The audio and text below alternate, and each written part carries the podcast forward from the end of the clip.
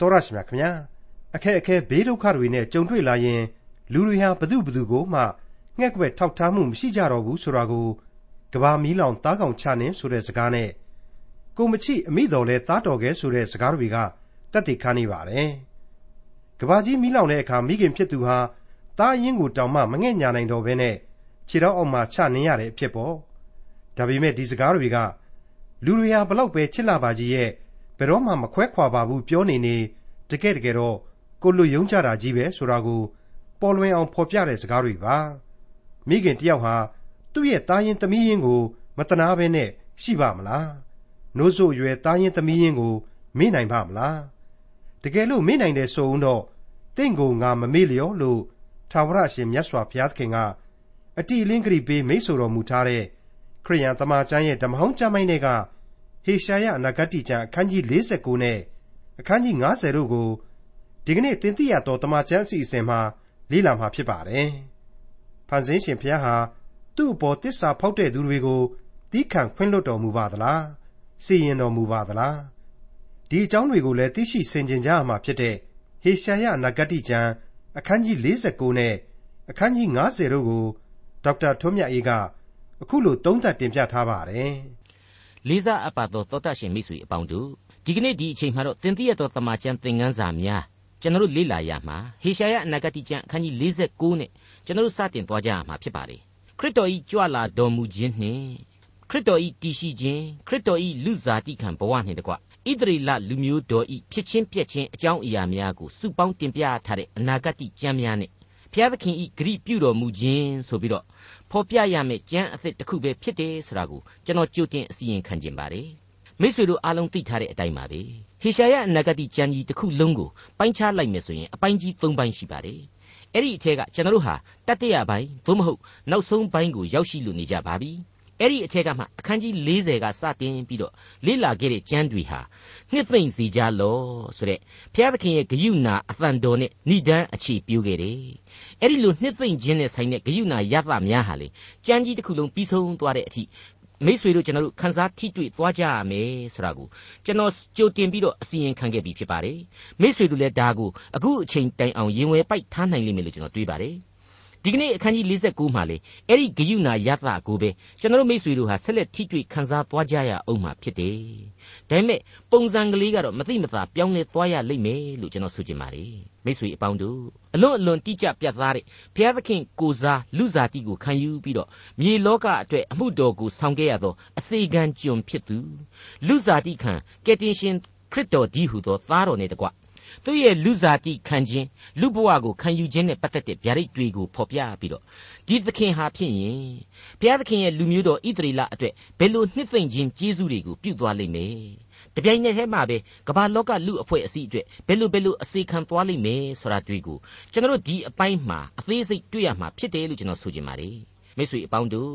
ရှေ့ကဖတ်ပြီးခဲ့တဲ့အနာဂတ်တွေမှာဆိုရင်ဣသရေလလူမျိုးတော်ကိုငါဤလူများ ငါကြွန်များငါဤသားသမီးများဆိုတဲ့အချက်တွေနဲ့အထက်ထပ်ဘုရားသခင်ဟာဖော်ပြခဲ့တယ်။တညာပြုခဲ့တယ်ဆိုတာကိုကျွန်တော်တို့တွေ့ခဲ့ရပါတယ်။အဲ့ဒီလူမျိုးတော်ဟာဘုရားသခင်ကသာသူတို့ကိုပြုစုရတယ်။စောင့်ရှောက်ရတယ်။လမ်းပြသနာတော်မူရတယ်။သူတို့ကတော့ကျေးဇူးတော်ကိုထိုက်ထိုက်တန်တန်ပြန်လဲပေးဆက်ကြရဲ့လားလို့မေးလိုက်မယ်ဆိုရင်တော့ထိုက်တန်စွာပေးဆက်ခြင်းတုံ့ပြန်ခြင်းအရှင်းမရှိခဲ့ဘူးဆိုတာကိုယဉ်နှင့်ဘွယ်ရသမိုင်းဖြစ်ရမှန်တွေအဖြစ်ကျွန်တော်တို့တွေ့ခဲ့ရကြပြီဖြစ်ပါတယ်မိတ်ဆွေအပေါင်းတို့ ဒီနေရာမှာပြန်လဲကျေးဇူးတုံ့ပြန်နေပေးဆက်တယ်ဆိုတော့ဒီသဘောဟာလေရှိတာလေးအကုန်လုံးရောင်းချပြီးတော့လက်ဆောင်မုံဘူးကလေးများနဲ့တွားကြော့တာကိုမဆိုလိုပါဘူးအခါကြီးရဲ့ကြီးများမှာကျွန်တော်တို့မြန်မာလူမျိုးတွေရဲ့ဒလိထုံးစံကိုကျွန်တော်ပြောတာပါအဲ့ဒီလိုလက်ဆောင်မုံဘူးကလေးများနဲ့တွားပြီးကြော့တာကိုမဆိုလိုဘူးသူ့စကားကိုနားထောင်သူ့အလိုတော်ကိုလိုက်နာပြီးတော့သူ့ကိုကိုးကွယ်ယုံကြည်ခြင်းဆိုတဲ့အချက်နဲ့သားလျင်အဓိကတိုင်းတာပြီးတော့ဖော်ပြရမယ်အချက်စံပြုတ်ပြီးတော့ဖော်ပြရမယ်သဘော အကျွေးမဲ့အာဏာကိုပိုင်ဖအုပ်ဆိုးသူဘုရားသခင်အပေါ်မှာကျွန်တော်များလူသားတို့ကတစ္ဆာစောင့်ခြင်းနဲ့သက်သေတည်ရမယ့်သဘောသာဖြစ်ပါတယ်။အဲ့ဒီတော့အပိုင်းခွဲကြမယ်ဆိုရင်အခြေခံအဖြစ်အဲ့ဒီသူ့ရဲ့လူမျိုးတော်သူ့ရဲ့သားသမီးဆိုတဲ့ဣသရေလတို့ ਨੇ ပတ်သက်လို့ကတော့အဖဘုရားသခင်ရဲ့ဘက်မှာဘာမှနှစ်သိမ့်ကျေနပ်စရာအကြောင်းမရှိခဲ့ဘူး။လူဘိန်းစကားနဲ့ပြောရမယ်ဆိုရင်တော့ဆုံးရှုံးရတယ်လို့ပဲဆိုသင့်ပါတယ်။ ဒါပေမဲ့အဲ့ဒီလူမျိုးတော်ဒီဟုသောသူဤလူများစီကနေပြီးတော့လူတယောက်စီကိုသာဥတီချက်ဟာဘ ਹੁ ပြုတ်ပြီးတော့ပြောင်းလဲသွားရမယ်အဲ့ဒါကတော့ဤသူကငါနှစ်သက်မြတ်နိုးရာငါဤချစ်သားပေဒီဆိုတဲ့ဘုရားသခင်ကိုတော်တိုင်ကလူစားတိကိုခံယူထားသူကယ်တင်ရှင်သခင်ခရစ်တော်ကြောင်းကိုသာဗဟုပြုသွားလိမ့်မယ်လူမျိုးတော်အဖျင်ဆုံးရှုံးရတယ်တနည်းအားဖြင့်အဲ့လိုပြောရမှာပေါ့လူမျိုးတော်အဖျင်ဘုရားသခင်ဘက်ကဆုံးရှုံးတယ် လူမျိုးတော်အတွင်းကလူတစ်ယောက်အားဖြင့်ဘုရားသခင်ဟာအနိုင်ရသွားစီလိမ့်မယ်ဆိုတာကိုကျွန်တော်တို့ဒီအပိုင်းမှာအလေးအနက်သတိပြုကြရမှာဖြစ်ပါတယ်ဟေရှာယအနာဂတိကျမ်းအခန်းကြီး49အငယ်1မှ4ကိုစတင်ဖတ်ရှုကြည့်ကြပါစို့တကြွန်းတနိုင်ငံအရက်တို့ငါစကားကိုကြားကြလော့ဝေးစွာသောလူမျိုးတို့စိတ်စိတ်နားထောင်ကြလော့ငါဖွားစကပင်ထာဝရဘုရားသည်ငါကိုခေါ်တော်မူ၏ အမိဝန်တဲမှစ၍ငါဤနာမကိုမှတ်တော်မူ၏ငါနှုတ်ကိုထက်သောဓာကဲ့သို့ဖြစ်စေ၍လက်တော်အရေး၌ဖုံးထားတော်မူ၏ငါကိုလည်းဥသစ်သောစီးသွားဖြစ်စေ၍မိမိမြားတောင့်တဲမှဖွက်ထားတော်မူ၏အိုဣတရီလာသင်သည်ငါ၏ကျွန်ဖြစ်၏သင်အားဖြင့်ငါဘုံသည်ထင်ရှားလိမ့်မည်ဟုငါအာမိန်တော်မူပြီ ငါကလည်းအကျိုးမရှိဘဲငါလှုပ်ဆောင်ရပြီအချီးနှီးသက်သက်ငါခွန်အားကုန်ရပြီသို့တော်လည်းငါအမှုသည်ထာဝရဘုရားရှိတော်၌ရှိငါခံရသောအခလည်းငါဤဘုရားသခင်လက်တော်၌ရှိသည်ဟုဆို၏တကြွန်းတနိုင်ငံအရက်တို့တဲ့အဲ့ဒါဟာကမ္ဘာလောကကြီးတစ်ခုလုံးကိုဖော်ပြလိုက်ခြင်းပါပဲအမိဝန်တဲမှစ၍ငါဤနာမကိုမှတ်တော်မူ၏တဲ့ဟုတ်တယ်အေမာနွေလလို့သတ်မှတ်ထားတယ်မဟုတ်ဘူးလား ယေရှုအမိဖြင့်မှဲ့ခေါ်ရမည်ဆိုတာဒီကိုလေဘုရားသခင်ဗျာဒိတ်ပြုခဲ့ပြီးပြီမဟုတ်ဘူးလားငါဤနှုတ်ကိုထက်သောဓာကဲ့သို့ဖြစ်စေမယ်တဲ့ဟုတ်ပါတယ်ရှင်ယောဟန်ခရစ်ဝင်ကျမ်းအခန်းကြီး9မှာဤသူဟောပြောတဲ့ကဲ့သို့အဘယ်သူမျှမဟောပြောစဖူးပါဆိုပြီးတော့ပါရိရှဲတွေရဲ့ကြမ်းတက်တွေရဲ့တပည့်တွေကိုယ်တိုင်ကဝန်ခံထားခဲ့ရတာကိုတွေ့ရပါတယ် ဗျာဒိတ်ကျမ်းအခန်းကြီး19အငယ်15မှာကျတော့လူမျိုးတော်ကိုတန်ခတ်เสียဖို့ထက်သောတန်လျက်ပြီးသူ့ကတွင်တွေကထွက်၏ဆိုပြီးတော့ဖော်ပြထားပါတယ်တနည်းအားဖြင့်ကတော့ဩကာသလောကကိုသူ့ရဲ့နှုတ်တော်အတွက်စကားနဲ့ပဲတရားစီရင်မယ်ဆိုတာကိုဖော်ပြပါတယ်နှုတ်ကပတ်တော်အားဖြင့်တရားစီရင်မယ်ဆိုတာကိုဖော်ပြပါတယ်တနည်းအားဖြင့်နှုတ်ကပတ်တော်သည်ကယ်တင်ရှင်သခင်ခရစ်တော်ဤဓာဖြစ်ပါတယ်ဟေရှာယအနာဂတိကျမ်းအခန်းကြီး49အငယ်9မှ9 ငါသည်ထာဝရဘုရားရှိတော်၌အသရေထင်ရှား၍ငါ၏ဘုရားသခင်သည်ငါ့ကိုခိုင်ခံ့စေတော်မူမည်အကြောင်းနှင့်တကားဣသရေလအမျိုးသည်အထံတော်၌စုဝေးစေခြင်းကိုမခံတော်လေငါသည်ယာကုပ်အမျိုးကိုအထံတော်သို့ဆောင်ခဲ့ရသောကျွန်ဖြစ်စေမည်အကြောင်းငါကိုအမိဝန်ထဲမှစ၍ဖန်ဆင်းတော်မူသောထာဝရဘုရားမိန့်တော်မူသည်ကား သင်သည်ယာကုပ်၏အမျိုးအနွယ်တို့ကိုချီးမြှောက်ခြင်းဘေးလွတ်သောဣသရေလသားတို့ကိုအရင်ကဲ့သို့ဖြစ်စေခြင်းအလို့ငှာငါအမှုကိုဆောင်ရွက်သောအမှုသည်သာမညအမှုဖြစ်၏ထိုအမှုမကသင်သည်မြေကြီးစွန်းတိုင်အောင်ငါ၏ကဲတင်ခြင်းကိုပြုစိန်သောငါသင်ကိုတပားအမျိုးသားတို့လင်းเสียဖို့ငါခန့်ထားသည်ဟုမိန့်တော်မူ၏ရှင်းလင်းပြသလွန်လှပါ रे ကယ်တင်ရှင်သခင်ခရစ်တော်ကိုကယ်တင်ရှင်အဖြစ်ဂျူးဣသရေလအကုန်ဟာလက်မခံနိုင်ဘူး ဒါပေမဲ့ဘာမှအရေးမကြီးဘူးထိုအမှုတဲ့ကြီးမြတ်သောအမှုဟာရှိနေတယ်တဲ့ရှင်းနေတာပါပဲအဲ့ဒါကတော့တခြားမဟုတ်ပါဘူးမြေကြီးစွန်းတိုင်အောင်ငါဤကဲတင်ခြင်းကိုပြုစိန်သောငါတပါးမျိုးသားအလုံးအလင်းတရားကိုခံယူဖို့ငါထခန့်ထားလိုက်ခြင်းဖြစ်တယ်တဲ့ဒီအကြောင်းတွေဟာဓမ္မသစ်ကာလမှာရှင်ပေါလုရဲ့ဖော်ပြချက်အဖြစ်အလွန်အလွန်ရှင်းသွားရပါတယ်ပို့ပြီးတော့လင်းချင်းသွားရပါတယ်ယောမဩဝါဒစာအခန်းကြီး7အငယ်7မှ14ကိုကြည်ပါ ခရစ်တော်ရဲ့ကြွလာတော်မူခြင်းဆိုတာဟာဘလောက်အထိလောကကဘာမြေကြီးအတွက်အရေးကြီးတယ်လူအဖွဲ့အစည်းအတွက်အတိတ်ပဲလေးနှစ်တည်းဆိုတာကိုကျွန်တော်တို့ပြတ်သားစွာတွေ့ရပါလိမ့်မယ်တို့ဖြစ်လျင်ဣသရေလလူတို့သည်လဲ၍နေရသည့်တိုင်အောင်ထိမိကြပြီလောဟုမေးတော်လဲ၍မနေရကြသူတို့၏စိတ်ကိုနှိုးဆော်စရာအကြောင်းရှိစေခြင်းဟာသူတို့၏လဲခြင်းအဖြစ်ကဲတင်တော်မူခြင်းကျေးဇူးသည်တပါးအမျိုးသားတို့၌သက်ရောက်လေ၏ သူတို့၏လဲခြင်းအရာသည်လောကီသားတို့၏စီးပွားကို၎င်းသူတို့၏ရှုံးခြင်းအရာသည်တပါးအမျိုးသားတို့၏စီးပွားကို၎င်းပြုစုလျင်သူတို့၏ပြည့်စုံခြင်းအရာသည်သာ၍ပြုစုမည်မဟုတ်လောထို့သောဆိုသောငါသည်တပါးအမျိုးသားတို့နှင့်ဆိုင်သောတမန်တော်ဖြစ်သည်နှင့်အညီထိုတမန်တော်၏အရာကိုချီးမွမ်းလျက်ငါအမျိုးသားချင်းတို့၏စိတ်ကိုတခုခုအားဖြင့်နှိုးဆော်၍အချို့တို့ကိုကဲတင်ခြင်းဟာတပါးအမျိုးသားဖြစ်သောသင်တို့အားဆိုရသည်တဲ့မိတ်ဆွေ ဣသရေလလူမျိုးတော်ဟာရွေးကောက်တော်မူသောလူမျိုးတော်ဖြစ်တာမှန်တယ်။ဘာကြောင့်ရွေးကောက်တာဖြစ်သလဲ။ကယ်တင်ရှင်သခင်ခရစ်တော်အားဖြင့်လူသားများအားလုံးအပြစ်မှလွတ်မြောက်ဖို့ကယ်တင်ရှင်ယေရှုတော်ကိုခံစားရဖို့အတွက်ရွေးကောက်ခြင်းသာလျှင်ဖြစ်ပါတယ်။ဒါကိုကျွန်တော်တို့ဘယ်လို့မှမျက်ခြေပြတ်ခံလို့မရပါဘူး။ဟေရှာယအနာဂတိကျမ်းအခန်းကြီး49အငယ်8မှ73ကိုဆက်ကြပါအောင်စို့ ဣသရေလအမျိုးကိုရွေးနှုတ်တော်မူ၍ထိုအမျိုး၏တန်ရှင်းသောထာဝရဘုရားသည်အဘယ်သူမျှမနှစ်သက်တပြီလုံးယွန်ရှာပွဲဖြစ်၍မင်းထံ၌ကျွန်ခံရသောသူအားမိန့်တော်မူသည်ကားသစ္စာရှိတော်မူသောထာဝရဘုရားတင့်ကိုရွေးကောက်တော်မူသောဣသရေလအမျိုး၏တန်ရှင်းသောဘုရား၏ကျေးဇူးတော်ကြောင့်ရှင်ဘရင်တို့သည်မြင်၍ထားကြလိမ့်မည်မင်းသားတို့သည်လည်းကိုးကွယ်ကြလိမ့်မည်ထာဝရဘုရားမိန့်တော်မူသည်ကား နှစ်သက်ဖွယ်သောအချိန်၌သင်၏စကားကိုငါနားထောင်ပြီး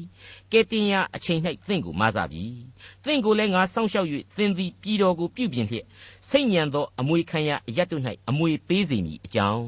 ထွက်ကြလောဟုချုပ်ထားသောသူတို့အား၎င်းပေါ်လာကြလောဟုမှောင်မိုက်ထဲမှနေသောသူတို့အား၎င်းပြောစေမည်အကြောင်း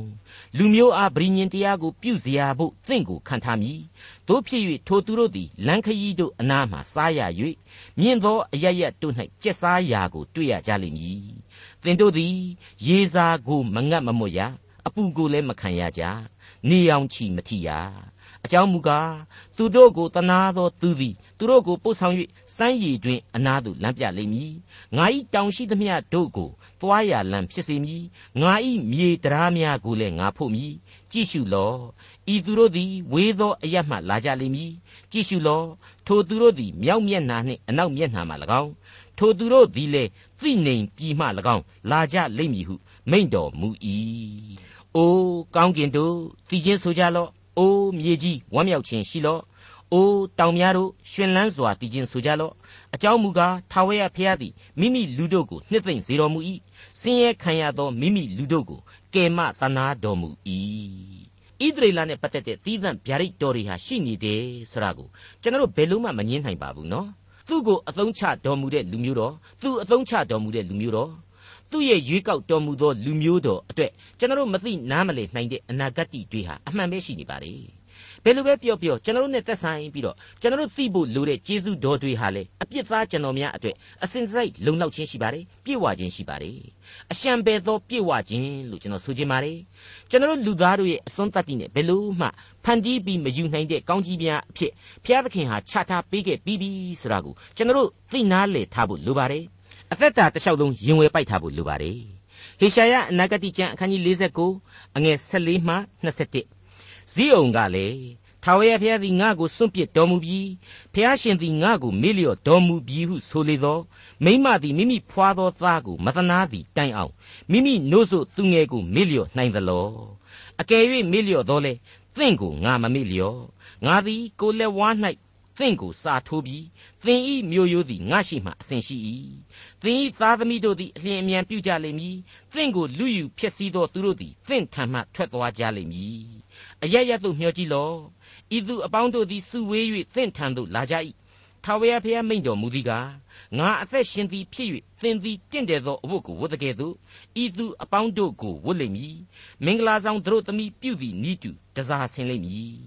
သင်၌တုတ်သင်ပယ်ရှင်းသောအရာပျက်စီးသောပြည်သည် နေသူများသောကြောင့်ကျဉ်းကြလိမ့်မည်သင်ကိုကိုက်စားသောသူတို့သည်လည်းဝေးကြလိမ့်မည်သင်ဤသားများဆုံးပြီးမှတဖန်ရပြန်သောသားတို့ကနေရမလောက်ပါနေစရာအရက်ကိုပေးပါဟုသင်အားတောင်းကြလေအောင်မည်သင်ကလည်းဤသူတို့ကိုငါအားအဘယ်သူဖြစ်ပွားစေသနည်းငါသည်သားဆုံးသောသူ စိတ်ညံလျက်နေရသောသူနှင်ထုတ်ခြင်းကိုခံရသဖြင့်အဝေးသို့လဲရသောသူဖြစ်၍ဤသူတို့ကိုအဘယ်သူမွေးစားသနည်းငါသည်တယောက်ကြီးနေရသည်ဖြစ်၍ဤသူတို့သည်အဘယ်မှရှိကြသနည်းဟု အောက်မေ့လိမ့်မည်မိษွေတော်တတ်ရှင်အပေါင်းတို့ခမညာဣသရေလလူမျိုးတော်ရဲ့ကြောက်မဲ့ဖွယ်ဆိုးဆိုးရွားရွားခံစားရတဲ့သမိုင်းသင်ခန်းစာတွေဟာစိတ်စိတ်သာပြန်စဉ်းစားလိုက်မယ်ဆိုရင် အခုဖတ်ခဲ့တဲ့ဟေရှာယအနာဂတိကျမ်းအတိုင်းပဲတခုမကြံအောင်မှန်ခဲ့ပြီဆိုတာကိုကျွန်တော်တို့ဟာဖော်ပြသက်သေတည်နိုင်ပါတယ်။ဘာဖြစ်လဲဆိုတော့ကပ္ပသမိုင်းတပီးတွေဟာအထင်အရှားသက်သေတည်ထားခဲ့ပြီမဟုတ်ဘူးလား။သူတို့ဟာဘုရားသခင်ကိုဆန့်ကျင်ကြတော်လှန်ကြပါတယ်။အပြစ်တန်တရားရဲ့သဘောအတိုင်းပဲသူတို့ဟာအကြီးအကျယ်ဒုက္ခတွေပင်လယ်ဝေခဲ့ရပါတယ်။ ဘုရားသခင်ပေးတဲ့အပြစ်ဒဏ်တွေကိုကမ္ဘာသမိုင်းမှာဘယ်လူမျိုးနဲ့မှမတူအောင်ခံခဲ့ကြရပါတယ်။အဲ့ဒီအချိန်မှာတော့ထာဝရဘုရားဟာငါတို့ကိုစွန့်ပစ်ပြီလို့သူတို့ကုံယုံပြီးတော့အော်ဟစ်ကြတယ်။ဘုရားသခင်ဟာငါတို့ကိုမိလျော့သွားပြီလားလို့သူတို့ကြွေးကြော်ခဲ့ကြပါတယ်။နောင်တများစွာနဲ့တဖန်ပြန်ပြီးတော့မြည်တမ်းခဲ့ကြပါတယ်။သူတို့မှကျေးဇူးမရှိပါဘူး။သူတို့ဟာလူမိုက်တွေငါ့ကိုပုန်ကန်ခဲ့တဲ့သူတွေဆိုပြီးတော့ဘုရားသခင်ဟာပြောခဲ့ပြီးပြီ။ ဒါပေမဲ့ဘုရားသခင်အမှန်တကယ်သူတို့ကိုအရှင်းမေ့လျော့ကြောခိုင်းခဲ့ပါသလားစွန့်ပစ်ခဲ့ပါသလားတခါမှမစွန့်ပစ်ခဲ့ပါဘူးမမေ့ခဲ့ပါဘူးဟုတ်ပါတယ်ဟောရှေအနာဂတိကျမ်းအခန်းကြီး14အငယ်၄မှ6အတွင်းမှာကျွန်တော်တို့အခုလိုတွေ့ရပါလိမ့်အောင်မယ်ငါသည်အမျက်ပြေသောကြောင့်သူတို့၏ဖောက်ပြန်ခြင်းကိုပြုပြင်မည်ကိုအလိုလျောက်စုံမဲ့မည်ငါသည်နှင်းကဲ့သို့ဣသရေလအပေါ်မှနေမည် သူသည်နှင်းပွင့်ကဲ့သို့ပွင့်လိမ့်မည်လေပနုံတောကဲ့သို့အမြင့်ဆွဲလိမ့်မည်အညွန့်တို့သည်ပြန်ပွား၍တန်လွင်ပင်ကဲ့သို့အသရေတင့်တယ်လိမ့်မည်လေပနုံတောကဲ့သို့မှုေးကြိုင်လိမ့်မည်တဲ့မိတ်ဆွေအခုဆိုရင်ဟေရှာယမှတဆင့်ဘုရားသခင်ပြုတော်မူသောကျေးဇူးတော်အကြောင်းကိုကျွန်တော်ထပ်မံပြီးတွေ့ကြရပြန်ပါပြီတွေ့ရပြန်ပါပြီအရရတို့မျှော်ကြည့်လော့ ဤသူအပေါင်းတို့သည်စုဝေး၍တင့်ထံသို့လာကြ၏ထာဝရဘုရားမိန့်တော်မူသည်ကငါအသက်ရှင်သည်ဖြစ်၍သင်သည်တင့်တယ်သောအဝတ်ကိုဝတ်တကယ်သို့ဤသူအပေါင်းတို့ကိုဝတ်လိမ့်မည်မင်္ဂလာဆောင်သူတို့သမီးပြုသည်နိတုတစားဆင်လိမ့်မည်သင်၌တုတ်သင်ပယ်ရှင်းသောအရာပျက်စီးသောပြည်သည်နေသူများသောကြောင့်ကျင်းကြလိမ့်မည်သင်ကိုကြိုက်စားသောသူတို့သည်လည်းဝေးကြလိမ့်မည်သင်ဤသားများဆုံးပြီးမှတဖန်ရပြန်သောသားတို့ကနေရာမလောက်ပါနေစရာအရက်ကိုပေးပါဟုသင်အားတောင်းကြလေအောင်မည် သင်ကလည်းဤသူတို့ကိုငါအားအဘယ်သူဖြစ်ပွားစေသနည်းငါသည်သားဆုံးသောသူစိတ်ညံလျက်နေရသောသူနှင်ထုတ်ခြင်းကိုခံရသဖြင့်အဝေးသို့လဲရသောသူဖြစ်၍ဤသူတို့ကိုအဘယ်သူမွေးစားသနည်းငါသည်တယောက်တည်းနေရသည်ဖြစ်၍ဤသူတို့သည်အဘယ်မှရှိကြသနည်းဟုအောက်မေ့လိမ့်မည်တဲ့ဟေရှာယအနာဂတိကျမ်းအခန်းကြီး49အငယ်22မှ26ကိုဆက်ပြစေအောင်အရှင်ထာဝရဘုရားမိန့်တော်မူသည်ကား ကြည့်ရှုလော့ငါသည်အတိုင်းတိုင်းအပြည်ပြည်၌နေသောလူမျိုးတို့အားလက်ကိုချီ၍အလံကိုထူသည်ဖြင့်သူတို့သည်သင်၏သားသမီးတို့ကိုလက်နှင့်ပွေ့လျက်ပခုံးပေါ်မှထမ်းလျက်ဆောင်ခဲ့ကြလိမ့်မည်ရှင်ဘရင်တို့သည်သင်၏ဘာတွေမိဖုရားတို့သည်သင်ကိုမွေးစားသောအမိဖြစ်ကြလိမ့်မည်သင်ရှိမှဥညွတ်ပြတ်ဝ၍သင်၏ခြေ၌မြေမှုန့်ကိုရက်ကြလိမ့်မည်ငါသည်ထာဝရဘုရားဖြစ်ကြောင်းကို၎င်းငါကိုမျှော်လင့်သောသူတို့သည်ရှက်ကြောက်ခြင်းမရှိကြောင်းကို၎င်း သင်သိလိမ့်မည်လူယူရာဥစ္စာကိုအာကြီးသောသူ၏လက်မှယူရမည်လောတရားသောသူသိမ့်သွားသောလူတို့ကိုနှုတ်ရမည်လောထာဝရဘုရားမိန့်တော်မူသည်ကားအကယ်စင်စစ်အာကြီးသောသူသိမ့်သွားသောလူတို့ကိုယူရမည်ကြောက်မဲ့ဖွယ်သောသူလူယူရာဥစ္စာကိုနှုတ်ရလိမ့်မည်အကြောင်းမူကားသင်နှင့်ရန်တွေ့သောသူကိုငါသည်ရန်တွေ့၍သင်၏သားတို့ကိုကယ်တင်မည်သင်ကိုညှင်းဆဲသောသူတို့ကိုသူတို့၏အသားနှင့်ငါကြွေးမည် ချိုသောစပြည့်ကိုတောက်တဲ့ကဲ့သို့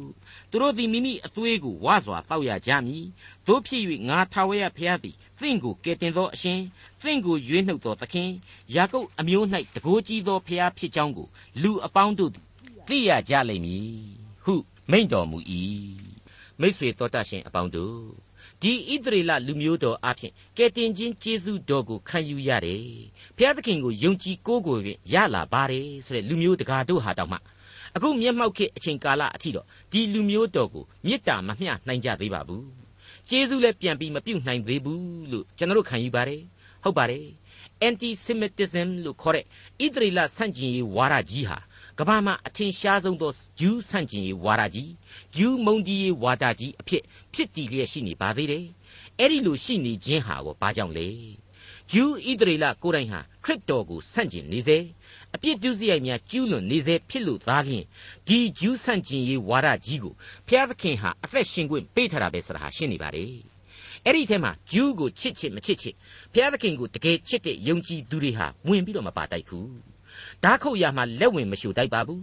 ဖျားသခင်ဟာသူရွေးကောက်ထားတဲ့လူမျိုးတော်ကိုသူ့ဖာသာသူဆိုးသည်ကောင်းသည်မဆိုးသူနီးသူဟန်သူ့ဗျာဒိတ်တော်များနဲ့သူစိတ်တိုင်းကြစီရင်သွားမှာသာဖြစ်ပါတယ်ကျွန်တော်အဖို့ကတော့သူ့ရဲ့ကယ်တင်တော်မူခြင်းကျေးဇူးကိုယုံကြည်စွာလက်ခံလိုက်ယုံပဲလို့တင်ပြလိုက်ပါရစေအခုချိန်မှာတော့ဟေရှာယအနာဂတိကျမ်းအခန်းကြီး90ကိုကျွန်တော်ဆက်လိုပါတယ်အငယ်1မှ3ကိုစတင်ဖတ်ရှုကြည့်ကြပါစို့ထာဝရဘုရားမိန့်တော်မူသည်ကား ငါလွတ်လိုက်သောသင်တို့အမိဤဖြတ်စာသည်အဘယ်မှရှိသနည်းငါ၌ကြွေးရှိ၍အဘယ်မည်သောကြွေးရှင်ထံ၌သင်တို့ကိုငါရောင်းသနည်းသင်တို့သည်ကိုပြုသောဒုစရိုက်အတွက်ကျွန်ခံရကြ၏သင်တို့အပြစ်ကြောင့်သင်တို့အမိကိုငါလွတ်လိုက်၏ငါလာသောအခါအဘယ်ကြောင့်လူမရှိသနည်းငါခေါ်သောအခါအဘယ်ကြောင့်မထူသနည်းငါသည်မရွေးမနှုတ်နိုင်အောင်လက်တိုးသလောကဲချွတ်နိုင်သောတကူမရှိသလောကြည့်ရှုလော ငါဆုံးမသဖြင့်ပင်လေရည်သည်ခန်းချောက်၏မြစ်တို့ကိုလွင်ပြင်ဖြစ်စေ၏ရေမရှိသောကြောင့်ငါတို့သည်နံကြ၏ရေငတ်၍သေကြ၏ငါသည်မိုးကောင်းကင်ကိုနက်သောအဝတ်ဝတ်စီ၍ရှော်တေအဝတ်နှင့်ခြုံ၏သင်တို့အမိဤဖြတ်စာတဲ့ရှင်းနေပါလေ ဣသရေလဆိုတာဟာခရစ်တော်ရဲ့သူတို့သမီးအဖြစ်ပုံခိုင်းထားတဲ့လူမျိုးတော်ဖြစ်ပါတယ်ဒီလူမျိုးတော်ကိုတစ္ဆာဖောက်တဲ့မိမဆိုပြီးတော့ဟောရှိအနာဂတ်ကြရင်တိတိကျကျကြီးလူမျိုးတော်ကိုလက်ညှိုးညွှန်ပြီးတော့ဆွဆွဲဖော်ပြသွားလိမ့်မယ်တစ်ချိန်တည်းမှာပဲအဲ့ဒီလောက်အထိသစ္စာမဲ့တဲ့လူမျိုးတော်ကိုဘုရားသခင်ရဲ့ခွင့်လွှတ်နိုင်စွန်မေတ္တာတော်ဟာဘလောက်အထိကြီးမားမယ်ဆိုတာကိုကျွန်တော်ဆက်ပြီးတွေးကြရအောင်မှာပါအခုဆိုရင်ဒီလူမျိုးတော်ကိုငါဟာဖြစ်ချင်ဟာဖြစ်ဆိုပြီးတော့လွှတ်လိုက်တယ်ဒါပေမဲ့ပြတ်စာနဲ့ဖြတ်တောက် ကွာရှင်းခြင်းအရှင်းမဟုတ်ပြန်ဘူးအဲ့ဒီအချက်ကိုဟေရှာယမှတဆင့်ဘုရားသခင်ဟာအံ့ဩပွေကောင်းလောက်အောင်ဖော်ပြပေးလိုက်ပါတယ်အလေးအနက်စဉ်းစားကြပါစို့မိတ်ဆွေများခမညာဓမ္မသစ်ကျမ်းမှာလဲခရစ်တော်ဟာရွေးကောက်တော်မူသောအသင်းတော်ကိုသူတို့သမီးကညာလိုပဲချစ်တော်မူတယ်ဆိုတာကိုကျွန်တော်အလီလီတွေ့ခဲ့ကြရပြီဖြစ်ပါတယ်အဲ့ဒီအတိုင်းပါပဲရှောလမုန်တည်ခြင်းမှာလဲဒီသဘောတရားကိုဖော်ပြထားပါတယ် ဣသရေလလူမျိုးတော်ရဲ့အသင်းတော်ရဲ့ယုံကြည်သူတဦးချင်းတို့ရဲ့ကိုအယိုင်းစပယ်လေးများလို့အကြီးတန်းနေတဲ့ဘဝကနေပြီးတော့ဂုံတင့်လာအောင်သူ့ရဲ့ပြစ်လွတ်ခြင်းမေတ္တာနဲ့တင်စားဖော်ပြပေးခဲ့ပြီးပြီဆိုတာကိုကျွန်တော်နှုတ်ကပတ်တော်သင်ခန်းစာအသီးသီးမှာအလေးအနက်တွေ့ခဲ့ကြရပြီးပါပြီအံ့ဩစရာမကောင်းဘူးလားငါအပေါ်မှာတစ္ဆာဖောက်တယ်ငါဒါကြောင့်သူ့ကိုကြုံဖြစ်ဖြစ်သဘောက်ဖြစ်ဖြစ်စွန့်လိုက်တယ်ဒါပေမဲ့ဖြတ်စာဘယ်မှာလဲတဲ့မိတ်ဆွေအပေါင်းတို့ အတိတ်ဘယ်ကတော့ဘုရားသခင်ရဲ့မေတ္တာတော်ဟာသူ့အပေါ်မှာတစ္ဆာဖောက်တဲ့ဣသရေလလူမျိုးကိုအကျွင်းမဲ့မစွန့်နိုင်ပါဘူးဆိုတာကိုပြောလိုက်ခြင်းဖြစ်တယ်လို့ခရစ်တော်ရဲ့မေတ္တာတော်ဟာအသင်းတော်အပေါ်မှာဘယ်နည်းနဲ့မှဖြတ်စာပေးတဲ့အဆင့်အထိမရောက်နိုင်ဘူးခရစ်တော်ရဲ့မေတ္တာတော်ဟာအသင်းတော်အပေါ်မှာအနန္တမေတ္တာတော်ဖြစ်တယ်ဆိုတာကိုဖော်ပြလိုက်တယ်နဲ့အတူတူပါပဲ ဟုတ်ပါတယ်ဆက်ပြီးတော့ပြောပြန်ပါသေးတယ်ငါရောင်းပစ်လိုက်တာမဟုတ်ဘူးမင်းတို့အပြစ်နဲ့မင်းတို့ကိုယ့်အပြစ်ကိုကိုခံရပြီးတော့ကျွန်ဘဝရောက်အောင်မင်းတို့အပြစ်တွေကသာစီရင်တာတဲ့ကဲဖျားသခင်ရဲ့စီရင်တော်မူခြင်းများဟာနားမလည်နိုင်လောက်အောင်ပဲခက်ခဲတယ်ဆိုတာကိုကျွန်တော်ဝန်ခံမိတယ်လို့အဲ့ဒီခက်ခဲနေနေချင်းတွေကြားထဲမှာအစဉ်တစိုက်ဆွတ်ဖက်ပါဝင်နေတာကတော့အလွယ်တကူထိတွေ့ရတော့မေတ္တာတော့အနန္တပဲလို့ကျွန်တော်ဆိုပြရစီ အဲ့ဒီလိုဣသရေလလူပောင်အဖွဲ့အစည်းအတွက်တဖန်ခရစ်တော်ကိုစေလွှတ်ခြင်းဆရာဟာဆက်လက်ပြီးတော့တွေ့ရပြန်ပါတယ်ဟုတ်ပါတယ်ငါလာသောအခါအဘယ်ကြောင့်လူမရှိသနည်းငါခေါ်သောအခါအဘယ်ကြောင့်မထူးသနည်းတဲ့ဒါဟာကယ်တင်ရှင်သခင်ခရစ်တော်ကြွလာတော်မူခြင်းအကြောင်းကိုဖော်ပြလိုက်တာပဲဒါဟာခရစ်တော်အဖင်ငါပြုတော်မူသောကယ်တင်ခြင်းတရားကိုမင်းတို့လက်မခံနိုင်ကြဘူးဆိုတာကိုကြိုတင်ပြီးတော့အနာဂတ်ပြုလိုက်တာပါပဲမိတ်ဆွေတို့ အခုဗျာဒိတ်ဖော်ပြချက်တွေဟာကပ်ကာလကုံဆုံးခြင်းကိုပါရောပြွန်ဖော်ပြထားတယ်လို့ကျွန်တော်ဆိုချင်ပါတယ်အဲ့ဒီကပ်ကာလအချိန်မှာခရစ်တော်တရားစီရင်မဲ့အချိန်မြင်ကွင်းများရဲ့ခရစ်တော်ရဲ့ကယ်တင်ရှင်ယေရှုတရားတို့ကိုဣသရေလလူမျိုးတို့လက်မခံ ခရစ်တော်ကိုတောင်မှသတ်ပစ်ခဲ့ကြဘုံတွေကိုတမန်တော်ဝတ္ထုအခန်းကြီး1ထဲကရှင်ပေတရုဟောကြားခဲ့တဲ့တရားစကားတွေနဲ့ပြန်ပြီးတော့တိုက်ဆိုင်ကြည့်တိုက်တယ်လို့ကျွန်တော်ထင်ပါတယ်ကျွန်တော်အသေးစိတ်မသွားတော့ပါဘူးတမန်တော်ဝတ္ထုအခန်းကြီး2အငယ်16က21ကိုမိษွေတို့အနေနဲ့လေ့လာကြည့်တိုက်တယ်လို့အကြံပြုပြရစီအခုဟေရှာယအနာဂတိကျမ်းမှာကတော့အငယ်1နဲ့3တို့အရာအခုလိုတွေ့ရပါတယ် ငါလာသောအခါအဘယ်ကြောင့်လူမရှိသနည်းငါခေါ်သောအခါအဘယ်ကြောင့်မထူးသနည်းငါသည်မယွေးမနှုတ်နိုင်အောင်လက်တူသလောကဲချွတ်နိုင်သောတကူမရှိသလောကြည့်ရှုလောငါဆုံးမသဖြင့်ပင်လေရေသည်ခန်းချောက်၏မြစ်တို့ကိုလွင်ပြင်ဖြစ်စေ၏ရေမရှိသောကြောင့်ငါတို့သည်နံကြ၏ရေငတ်၍သေကြ၏ငါသည်မိုးကောင်းကင်ကိုနက်သောအဝတ်ဝတ်စေ၍ရှော်တေအဝတ်နှင့်ခြုံ၏တဲ့မိတ်ဆွေအပေါင်းတို့ခမညာ အဲ့ဒီလိုကယ်တင်ရှင်သခင်ခရစ်တော်ကိုဣသရေလလူမျိုးတော်လက်မခံခြင်းဟာသမိုင်းတစ်ခုလုံးကမှားနေကြအမှားသာဖြစ်တယ်ဆိုတာကိုလေခရစ်တော်ဟာရှင်မသက်ခရစ်ဝင်ကျမ်းမှာအခုလိုဖော်ပြခဲ့ပါသေးတယ်ရှင်မသက်ခရစ်ဝင်ကျမ်းအခန်းကြီး21အငယ်33မှစတင်ပြီးတော့ဖတ်ရှုကြည့်ကြပါအဲ့ဒီထဲမှာအဓိကကြတဲ့အချက်ကလေးကိုကျွန်တော်ဖတ်ရှုပြခြင်းပါတယ်အငယ်38မှာပါဝင်ပါတယ်နောက်ဆုံး၌ဥယျင်ရှင်ကထိုသူတို့သည်ငါသားကိုအာနာကြလိမ့်မည်ဟုဆို၍မိမိသားကိုဆေလွတ်လေ၏ ဥယျင်ဆောင်တို့သည်သားကိုမြင်မြင်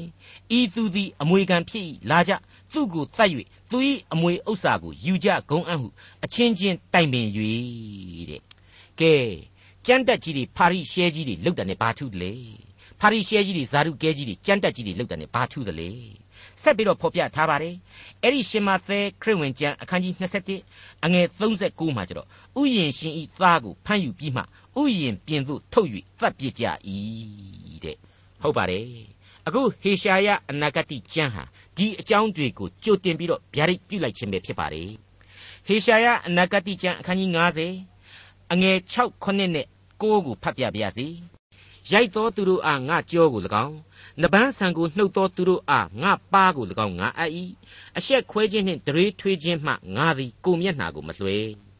အရှင်ထာဝရဘုရားသည်ငါ့ကိုစောင့်မတော်မူမည်အဘယ်သူသည်ငါ့ကိုတရားရှုံးစေမည်နည်းထို့သောသောသူအပေါင်းတို့သည်အဝတ်ကဲ့သို့ဟောင်းနှွန်းခြင်းသို့ရောက်ကြလိမ့်မည်ပိုးကိုက်စားခြင်းကိုလည်းခံရကြလိမ့်မည်မိတ်ဆွေအပေါင်းတို့ငါဟာအရှက်ခွဲခြင်းကိုခံမယ်တဲ့ဟုတ်တယ်မိษွေတို့ကျွန်တော်အရှက်မကွဲဖို့အတွက်ကဲတင်ရှင်ဟာအရှက်ခွဲခြင်းကိုခံခဲ့ပါတယ်ဟေရှာယအနာဂတိကျမ်းအခန်းကြီး90အငယ်30မှ31 သင်တို့တွင်အဘယ်သူသည်ထာဝရဘုရားကိုကြောက်ရွံ့သနည်းထိုသူသည်ကိုတော်ကျွန်ဤစကားသံကိုနားထောင်ပါစေအဘယ်သူသည်အလင်းမရှိဘဲမှောင်မိုက်၌တွာလာသနည်းထိုသူသည်ထာဝရဘုရား၏နာမတော်ကိုခိုးလှုံ၍မိမိဘုရားသခင်ကိုအမိပြုပါစေမိကိုညှိ၍မိမိတို့ကိုမိဘွားတို့နှင့်ဝန်းရံစေသောသူအပေါင်းတို့သင်တို့မိ၏အလင်း၌၎င်းသင်တို့ပြုစုသောမိစများ၌၎င်းတွာလာကြလော့ငါလက်၌ခံရသောအကျိုးဟုမူကား သင်တို့သည်ဝန်းနေလျက်အိပ်ရကြလိမ့်မည်